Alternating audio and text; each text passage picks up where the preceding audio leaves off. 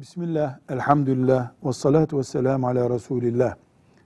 Eskilerin ifadesiyle hamamcı olmak, yenilerin ifadesiyle rüyalanmak çok olursa, üç günde bir olursa, iki günde bir olursa, bu onun yani o rüya görenin günahkar olduğunu mu gösteriyor? Eğer yatmadan önce gün boyu böyle bir oluşumun altyapısını bilerek dolduruyorsa, akşama kadar rezil işlerle meşgul oluyorsa, yatmadan rezil sitelerle meşgul oluyorsa, elbette bu bile bile göz çıkarıyor. Bunda bir vebal var. Ama bunun ötesinde böyle bir özel katkısı olmadıkça, özel bir hatası olmadıkça Müslüman fizyolojik olarak, biyolojik olarak ortaya çıkan bir şeyden dolayı Müslüman mesul olmaz, günaha da girmez.